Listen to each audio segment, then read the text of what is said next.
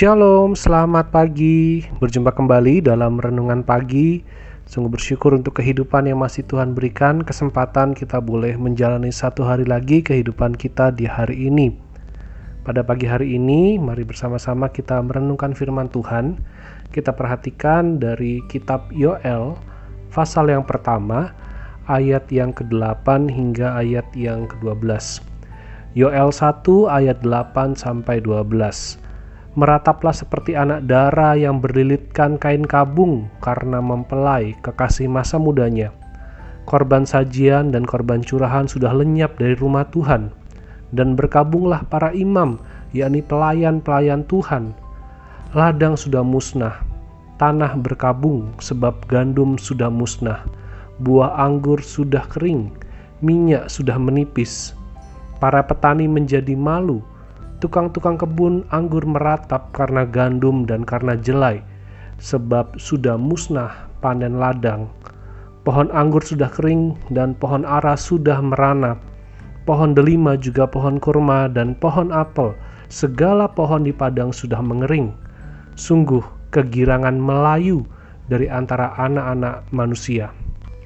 Meratap, menangis, adalah bagian dari keutuhan kita sebagai manusia. Nabi Yoel berseru kepada bangsa Israel agar mereka meratap untuk menangis dalam mengalami kepedihan atau dalam menjalani penderitaan-penderitaan yang mereka alami saat itu.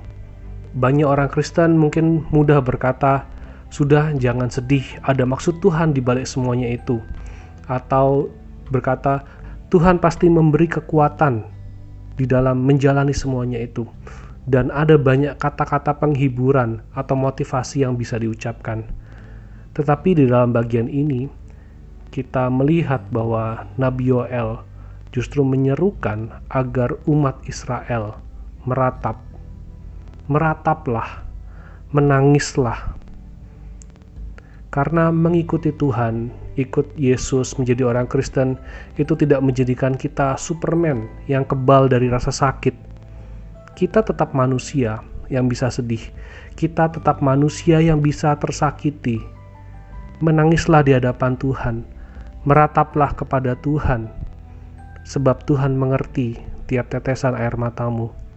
Tuhan ingin agar kita dengan jujur membawa diri kita di hadapannya ketika kita melihat bagian ini, kita melihat bahwa umat Israel diharapkan untuk meratap. Para imam berkabung, tanah pun berkabung, petani menjadi malu, tukang anggur meratap. Bahkan dikatakan kegirangan Melayu, kegirangan pudar di antara anak-anak manusia. Ketika tidak ada yang bisa kita lakukan, merataplah di hadapan Tuhan dan kita melihat anak-anak Tuhan bisa sedih. Anak-anak Tuhan, umat Tuhan bisa merasa hancur, bisa tidak berdaya. Dan ketika itu semua kita alami di dalam kesulitan kita, menangislah di hadapan Tuhan, merataplah di hadapannya.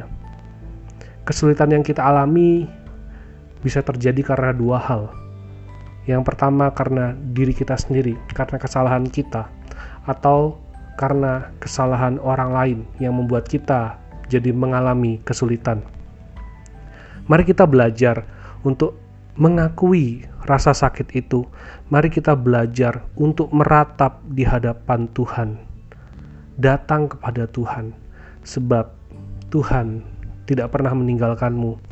Tuhan tetap berfirman pada umatnya di dalam penderitaan-penderitaan yang umatnya alami. Tuhan datang tetap memelihara kehidupanmu di dalam kesulitan yang kamu rasakan, dan Tuhanlah yang akan memulihkan rasa sakitmu. Datanglah kepadanya, karena Tuhan dekat dengan orang yang hancur dan remuk hati. Datanglah kepada Tuhan, karena Tuhanlah yang memberikan kelegaan kepadamu. Datanglah kepadanya, karena Tuhan baik hati dan lemah lembut. Mari kita berdoa. Kami datang kepadamu ya Tuhan. Kami bersyukur pada pagi hari ini boleh diingatkan kembali oleh kebenaran firman-Mu. Engkau mengetahui isi hati kami. Tolong kami ya Tuhan untuk mengakui segala perasaan kami dengan jujur kepadamu. Membawa segala kehancuran, membawa rasa sakit karena hanya Engkau Tuhan yang mampu memulihkan diri kami, memulihkan hati kami. Biarlah kekuatan Tuhan, hikmat Tuhan, firman Tuhan, itulah yang boleh menopang kehidupan kami, yang terus mengingatkan bahwa ada Tuhan yang memelihara kehidupan kami, ada Tuhan yang merawat dan menyembuhkan luka-luka kami. Kami sungguh bersyukur karena Tuhan selalu ada untuk kami. Kami juga menyerahkan untuk kehidupan kami sepanjang hari ini. Biarlah hikmat Tuhan, kekuatan Tuhan yang terus ada menuntun setiap langkah kehidupan kami di hari ini. Terpujilah Engkau ya Bapa di dalam nama Tuhan Yesus kami berdoa. Amin. Selamat pagi, selamat beraktivitas. Tuhan Yesus memberkati.